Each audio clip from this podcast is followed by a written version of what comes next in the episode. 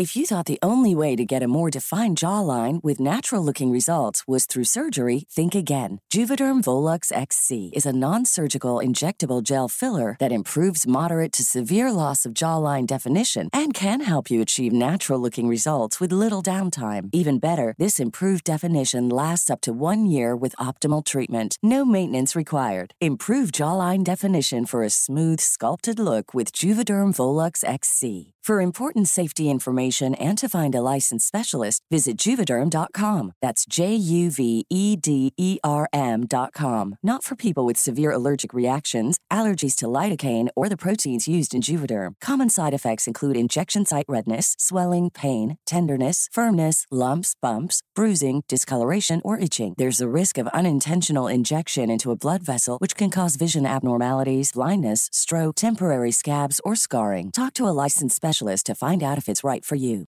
Hey, I'm Ryan Reynolds. At Mint Mobile, we like to do the opposite of what Big Wireless does. They charge you a lot, we charge you a little. So naturally, when they announced they'd be raising their prices due to inflation, we decided to deflate our prices due to not hating you.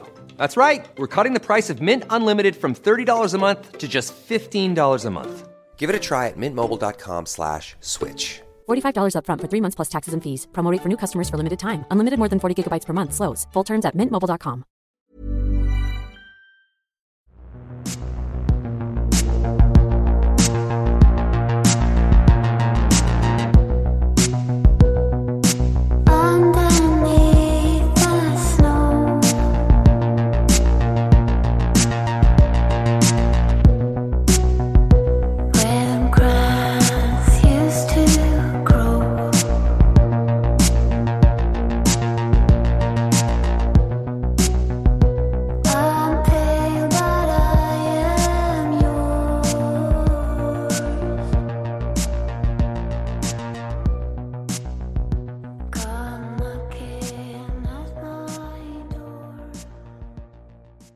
Olösta mord, mordet i stuvkällaren.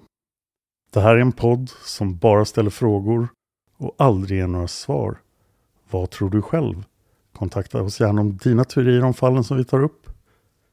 Kontaktinformation finns i avsnittstexten i en poddapp och i slutet av avsnittet. Det här är den värsta sorten av olösta mord.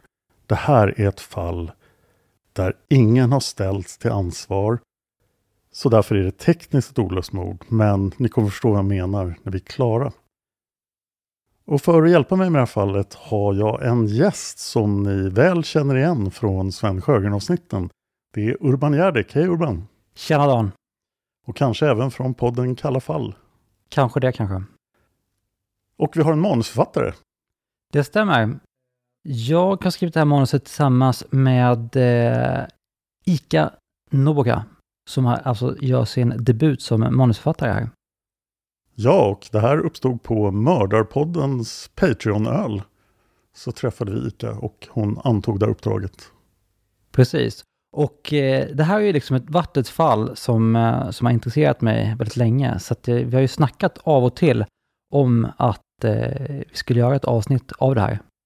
Så att då, vi snackade väl redan där då om att försöka få till någon tid och eh, på den vägen är det helt enkelt. Ja, sen hände det lite grejer, men det kommer vi ta upp i, i avsnittet. Precis. Ja, men det här har alltså varit ett fall som jag varit intresserad av väldigt länge. Och eh, det var faktiskt också ett av de fall som eh, jag och min kollega Tobias tittade på när vi letade efter just kalla fall då att ta upp i vår podd som också då heter Kalla fall. Men sen hände ju någonting i våras här, ganska tidigt i våras, som gjorde att det här plötsligt inte var ett så himla kallt fall längre. Och därför är jag här istället då, kan man säga. För jag gillar ju egentligen mest sånt som är olöst, lite mystiskt sådär. Eh, men jag tycker att det här ändå är ett så pass intressant fall. För att det här sätter väldigt, det här sätter liksom fingret på så många problem med att utreda ett kallt fall.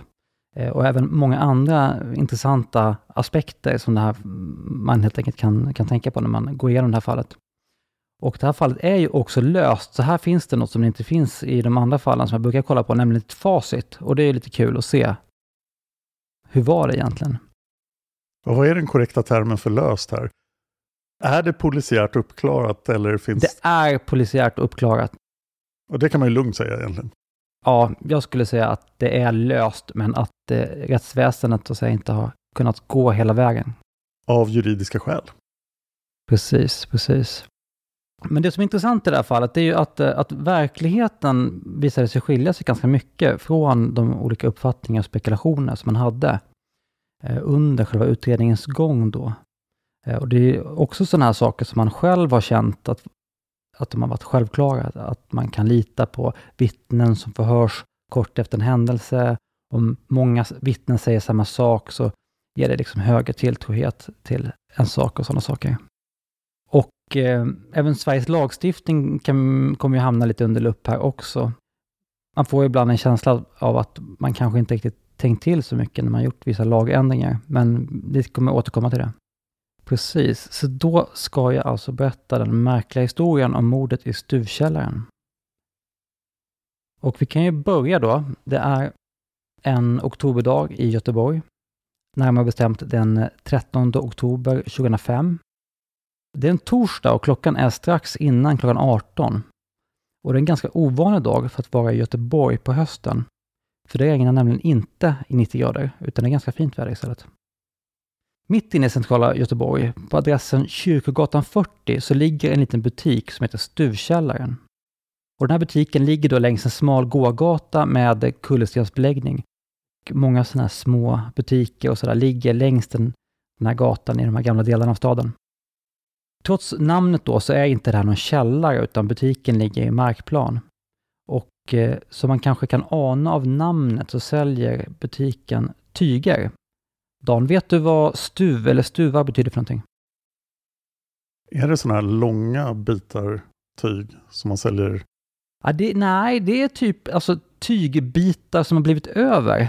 Det här visste ju inte jag, utan det fick jag ju... Jag fråg, tror jag frågade ChatGTP om det här. Jag lyckas inte ens googla upp det, men eh, till slut så fick jag reda på att, eh, att tygbitar som har blivit över, som man då kan sälja till. Det här är då en mysig liten butik som är fylld med olika tyger. Eh, rullar av tyger, olika slags eh, tyger som står liksom längs väggarna. Garn, olika band, sytråd. Allt som man behöver helt enkelt för att sy någonting. Eh, och det är nästan lite en sån här institution i Göteborg. Folk som gillar då sy, de brukar träffas här och det är många stamkunder och sådär. Jag tänker mig att det finns en del lajvare som gick dit. Det kan mycket väl vara så faktiskt. Helt klart. Och vid det här stora klippbordet då som står mitt i lokalen så står oftast butiksföreståndaren som heter Marie Johansson.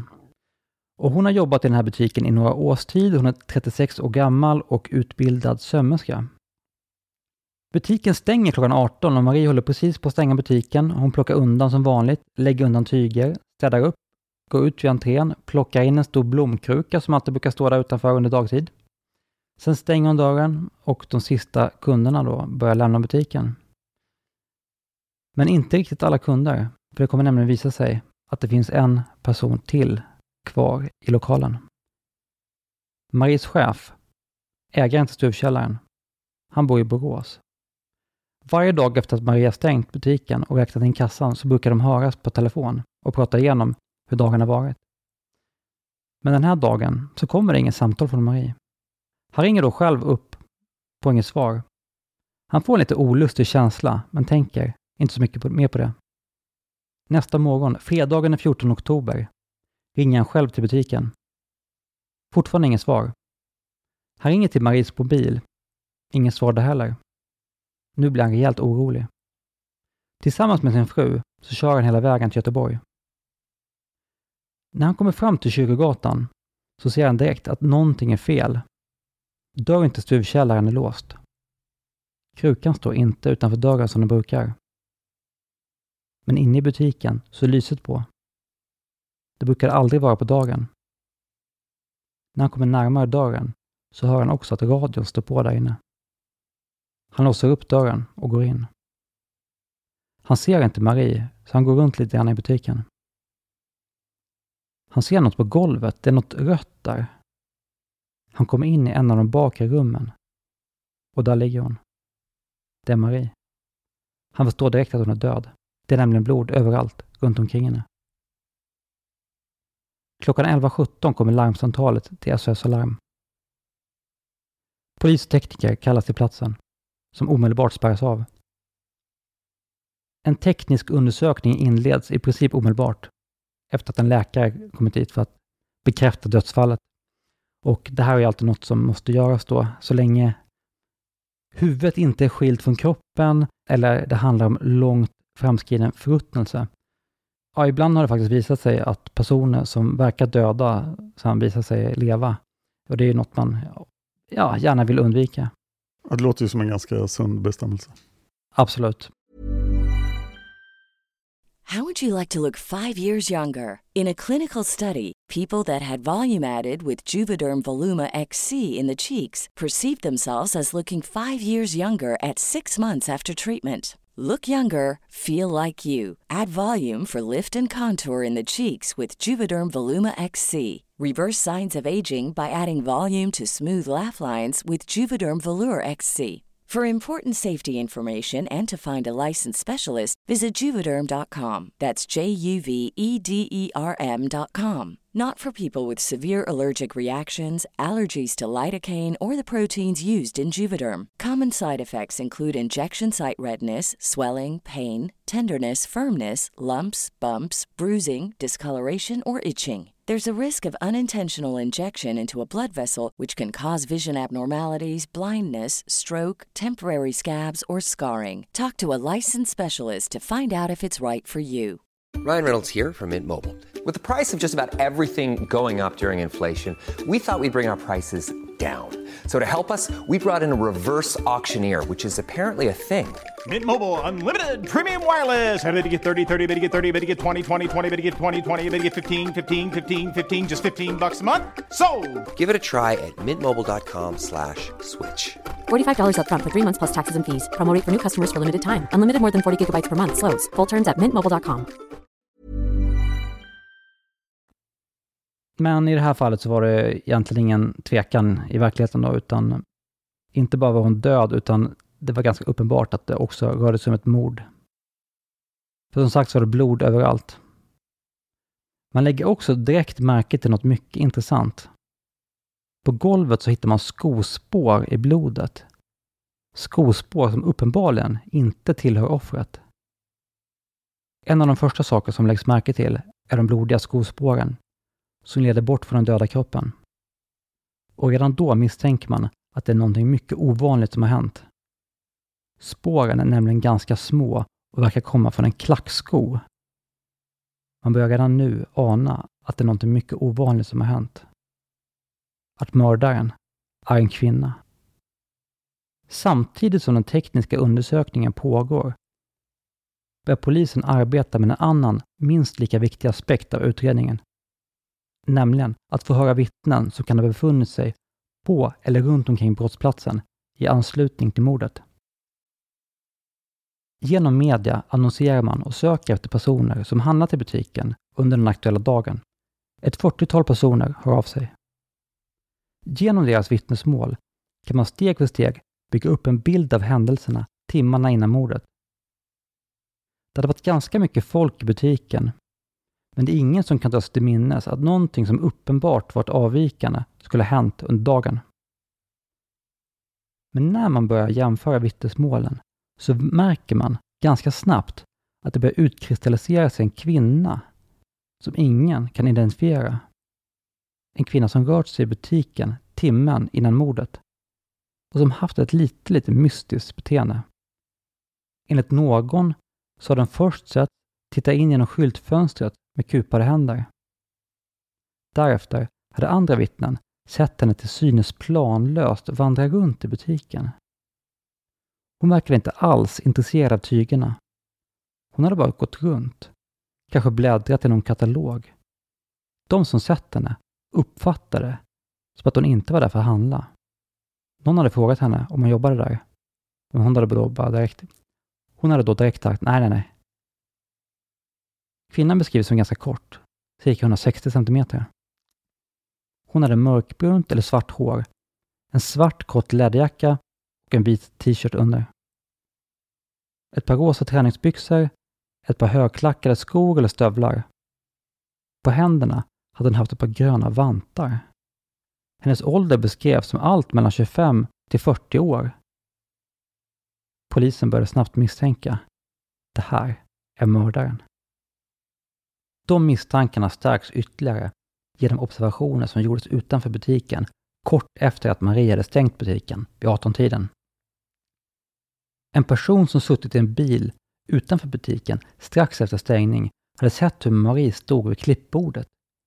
Bredvid henne stod en kvinna i vit t-shirt och gröna handskar, eller vantar. Det hade verkat som att kvinnorna kände varandra. Enligt vittnet såg det ut som att Marie hade skrattat åt något som den andra kvinnan hade sagt. Man lyckades också få tag på en övervakningsfilm från ett hotell på andra sidan gatan. Tyvärr är filmen filmad med en potatis. Du kan se dem själva. De. Oj, vilken otroligt dålig film. Jesus. Man ser väldigt lite bilden, man ser en skepnad. Ja, tyvärr så har man filmat den här med en potatis då, eh, så den är extremt suddig. Man kan ändå skönja en kvinnofigur med vad som ser ut som rosa byxor som lämnar butiken klockan 18.10, alltså cirka 10 minuter efter stängning. Då. Ett annat vittne trädde också fram.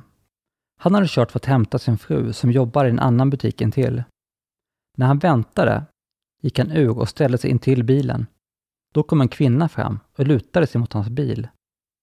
Hennes signalement stämde med kvinnan som sätts i butiken. Hon hade verkat helt lugn och hade stillsamt frågat om han inte kunde köra henne till centralstationen. Han hade då svarat att han tyvärr hade bråttom och inte kunde göra det. Då hade de bara stillsamt gått därifrån, i riktning mot centrum. När hon gick så såg han att hon hade ett vitt tygstycke runt midjan. Han såg också att det var blod på tygstycket. Han hade tyckt att det var konstigt, men trodde att hon kanske hade fått mens och råkat blöda igenom. Inte så diskret. och ett vitt tygstycke med blod på. Nej, man tar väl vad man har kanske, tänker jag. Eller jag vet inte. En annan person som besökte butiken under morddagen var Maries mamma, Kristina. Hon hade kommit förbi butiken för att berätta att hon precis bokat biljetter och hotell för en weekendresa som de skulle göra tillsammans till Stockholm under höstlovet. Men det hade varit så mycket folk i butiken så hon hade bara kunnat säga hej snabbt. Så de hade bara kunnat säga snabbt hej till varandra. Det hade blivit den sista gången som de sågs. Marie stod sin familj mycket nära. Hennes föräldrar arbetade båda inom varvsindustrin och de första åren i livet så växte hon upp på hissingen innan familjen flyttade till Angered. Marie hade tidigt utvecklat ett stort intresse för sömnad och tyger. Kanske hade det att göra med att hennes mormor varit sömmerska. Marie själv utbildade sig också med tiden inom skrädderi. När hon flyttade hemifrån så flyttade hon till en liten egen lägenhet på hissingen. Av de som känner henne så beskrivs hon som omtänksam och vänlig. Hon hade mycket humor, men kunde uppfattas som lite försiktig. Men det var ett drag som med åren hade minskat. Hon hade blivit lite mer äventyrlig av sig och bland annat utbildat sig inom dykning och tagit dykarcertifikat under en resa i Egypten. Två år innan mordet så hade hon fått jobb i stuvkällaren. Hon och paret som ägde butiken hade snabbt kommit nära varandra och de upplevde henne som mycket duktig och kunnig. Kort sagt fanns det ingenting i Maries personlighet som hade kunnat förutspå det som hände henne. Men vad var det då som hade hänt? Så småningom blev den tekniska undersökningen klar. Utifrån den kunde man måla upp en ganska tydlig bild av mordförloppet. När Marie Johansson hittas död på morgonen den 14 oktober så var butiken låst. Låset på butiksdörren är ett så kallat falllås eller smäcklås. Alltså ett sådant lås så när man väl låser det så går det fortfarande att öppna dörren från insidan, men inte från utsidan. Kort innan stängning hade hon alltså plockat in krukan som stod utanför butiken och sedan låst dörren så att det fåtal kunder som var kvar i butiken skulle kunna komma ut, men nya kunder skulle inte kunna komma in. Den misstänkta mördaren var då kvar i butiken. Därefter hade Marie hunnit släcka ner ljuset i halva lokalen. Som sagt så hade ett vittne även sett hur Marie stod vid klippbordet och pratade med den misstänkta kvinnan inne i butiken. Han hade inte alls uppfattat situationen som hotfull, snarare tvärtom. Men någonstans mycket kort därefter måste någonting ha hänt. Något som utlöste det som sedan hände. Exakt vad är polisen inte säkra på. Men det som sker, det sker plötsligt. Det finns inga tecken på bråk mellan Marie och gärningskvinnan någon annanstans än vid själva mordplatsen. Av allt att döma attackeras Marie av ett vasst föremål, kanske en kniv. Kanske en av de grova saxar som fanns i butiken. Mordvapnet återfinns aldrig. Marie har uppenbarligen försökt försvara sig och totalt tre tussar av svart hår från mördaren hittas på platsen. Men därefter verkar det ha gått snabbt. Maria fått ett hugg i halspulsådern och kort därefter svimmat av och kollapsat på golvet. Men mördaren slutar inte där, utan fortsätter hugga och hugga. Det rör sig om ett kraftigt övervåld. Marie Johansson, Marie Johansson dör på platsen på grund av den stora blodförlusten. Efter mordet kan polisen med hjälp av de blodiga fotspåren bilda sin uppfattning om hur mördaren har rört sig genom butiken. Det verkar som att gärningskvinnan först gått åt ett håll in i butiken, sedan vänt och gått åt ett annat håll. Man får uppfattningen att hon letat efter något. Man hittar också blod och fingeravtryck på knappen för att öppna butikens kassaapparat. Där saknas också hela kassan på cirka 7000 kronor, vilket ja, i dagens penningvärde då motsvarar ungefär 10 000 kronor. Spåren leder även upp till fikarummet. Där har hon dragit ut lådor och letat runt. Hon har även letat i Maries cykelkorg. Tagit Maries fleecetröja, antagligen för att dölja sina egna blodspår. Men blodat ner dem och slängt dem på golvet istället. På golvet intill cykelkorgen gör man även ett annat intressant fynd. En av gärningskvinnans gröna vantar. Man noterar också att det finns ett jack på kanten av vanten och blod inuti vanten. Mördaren har alltså skurit sig själv under attacken och lämnat blod kvar på platsen. Något som kommer bli mycket viktigt i den fortsatta utredningen. Slutligen kan man konstatera att mördaren klippt av ett stycke vitt tyg vid klippbordet med hjälp av en sax, som även den är nedblodad. Men det här är alltså inte mordvapnet. Troligen har kvinnan klippt av tygstycket för att försöka dölja sina blodiga kläder, vilket alltså är det som vittnet på gatan senare märker. Det är också det sista säkra vittnet som ser kvinnan. Därefter verkar det som att hon helt enkelt går upp i rök. Här kan man ju verkligen säga att det verkar vara ett fall som är ganska lätt att utreda. Det finns massvis av spår. Ja, precis. Ja, men det är, man har ett bra signalement på kvinnan. Man har alltså hur mycket spår som helst. Så att eh, det är ju polisens uppfattning väldigt tidigt att det här kommer vi lösa inom ett par veckor. Och eh, det man funderar egentligen här, det är ju mycket motivet till mordet. Och det här, vad tror du själv? Efter att ha hört så här långt. Om det är ett rån, då låter det som ett rån utfört utan någon vidare planering. Kanske i desperation efter ett behov av narkotika eller liknande. Mm. Precis. Det kan, det kan ju också vara personligt. Precis. Det handlar ju liksom inte om så mycket pengar. Men eh, det kan ju också vara så att om man är väldigt oerfaren rånare och sådär så kanske man inte går på de här större eh, butikerna med mycket kontanter, typ smyckesbutiker, matbutiker. Eh, där finns det ju liksom mycket personal och mycket, mycket högre säkerhet. Ja, det, det verkar som en väldigt lättrånad butik. Jo, Men bytet blir ju därefter också. precis, precis. Men det, något som poliserna reagerade över, det var ju att också att det fanns en hel del saker som talade emot ett sådant här enkelt rånmordsscenario. Kanske var de här försvunna pengarna bara en avledningsmanöver på en väldigt smart mördare som tänkte att men vi får det att se ut som ett rånmord så kastar vi in polisen på ett villospår här. För det var väl också en sån där sak som man tänkte på att varför skulle man slå ihjäl eller ha ihjäl eh, henne om det nu var ett rånmord? Det hade väl kanske bara eh, räckt med att ja, gett henne ett eller två hugg och sen springa därifrån. Det brukar ju de flesta tjuvar och sådär som blir påkomna göra. Eh, Men framförallt var det egentligen statistiken som talade för att någonting annat skulle kunna ligga bakom det här. För det är nämligen så att kvinnor står endast för cirka 10 procent av allt dödligt våld. Men i bara ungefär 2% av de fallen är våldet riktat mot andra kvinnor. Utan oftast är det då riktat mot män. Då. Och de fall när liksom en kvinna eh, riktar dödligt våld mot en annan kvinna, då är det nästan uteslutande i hemmiljö. Och riktat då mot någon som man har eller haft någon form av relation till. Så att, eh, att en kvinna mördar en för henne helt okänd kvinna, det är nästan helt okänt i kriminalhistorien. Men det var ju också sådana detaljer som att kvinnan hade varit i butiken efter stängning och att man hade sett henne Marie stå och prata, som gjorde att man funderade i andra banor. Om det kanske var, ändå var någon som Marie kände på något vis. Men man gjorde ju en sån här, som man kallar inre spaning. Man kartlade Maries liv i största detalj och den kartläggningen talade ju sitt tydliga språk. Man hittade inga tecken på några relationsproblem, konflikter eller någonting sånt överhuvudtaget. Han hittade ingen person i Maries närhet som skulle kunna stämma på det här signalementet. Ingen av dem som kände henne som han förhörde kunde tänka sig att det fanns någon som skulle kunna velat henne illa. Och det var ju också många människor som blev påverkade av det här mordet. Såklart blev det ett väldigt hårt slag mot hennes anhöriga som stått henne mycket nära. Och att både mista sin dotter eller syster och dessutom bearbeta sorgen under en pågående polisutredning där polisen dessutom misstänker att brottet skulle kunna begåtts av någon närstående. Det är svårt att ens föreställa sig.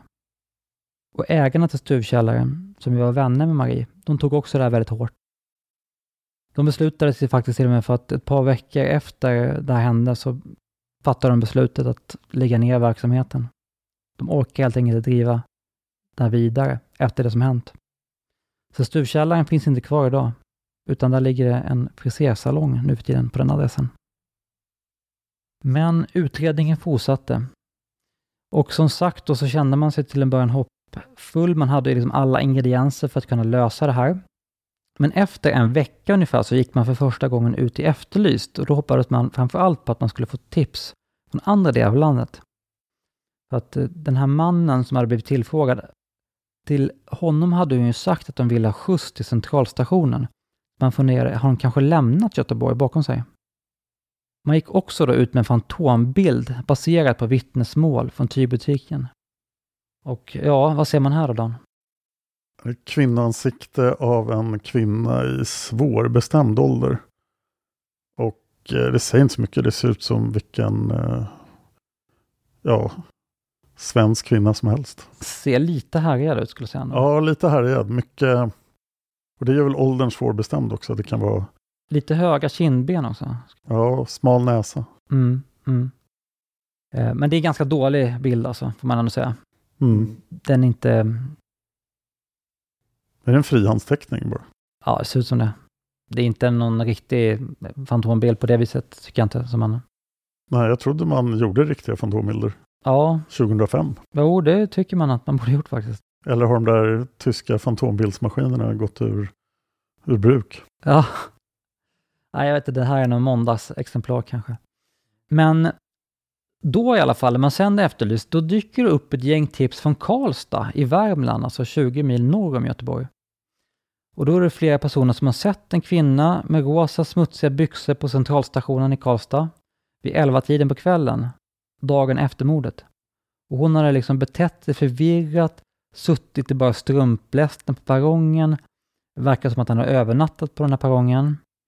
Så nästa morgon då, klockan halv sju, så ses de på samma ställe igen och eh, sen sätter de sig på tåget till Göteborg klockan 07.20. Man har ju då teorier om att det här ska vara mördaren som tänkt fly men sen ändrat sig där och vänt tillbaka.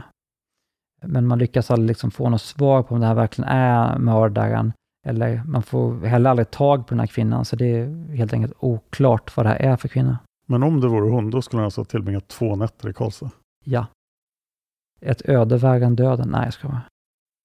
Nu ska vi inte vara så elaka mot Karlstad. Nej, Karlstad är fint. Någon månad efter mordet får man ännu ett nytt hett spår från en annan del av Sverige. Denna gång från en annan stad som är på Karl, nämligen Karlshamn i Blekinge. Ganska långt från Karlstad. Ja, det, precis. Det är likt till namnet, men eh, geografiskt är det ju något helt annat. Men där griper man i alla fall en 42-årig kvinna som har då attackerat en busschaufför och försökt stjäla pengar i bussens kassa. Och den här kvinnan, hon stämmer hyfsat till utseendet och signalementet med det här signalementet från uh, stuvkällaren.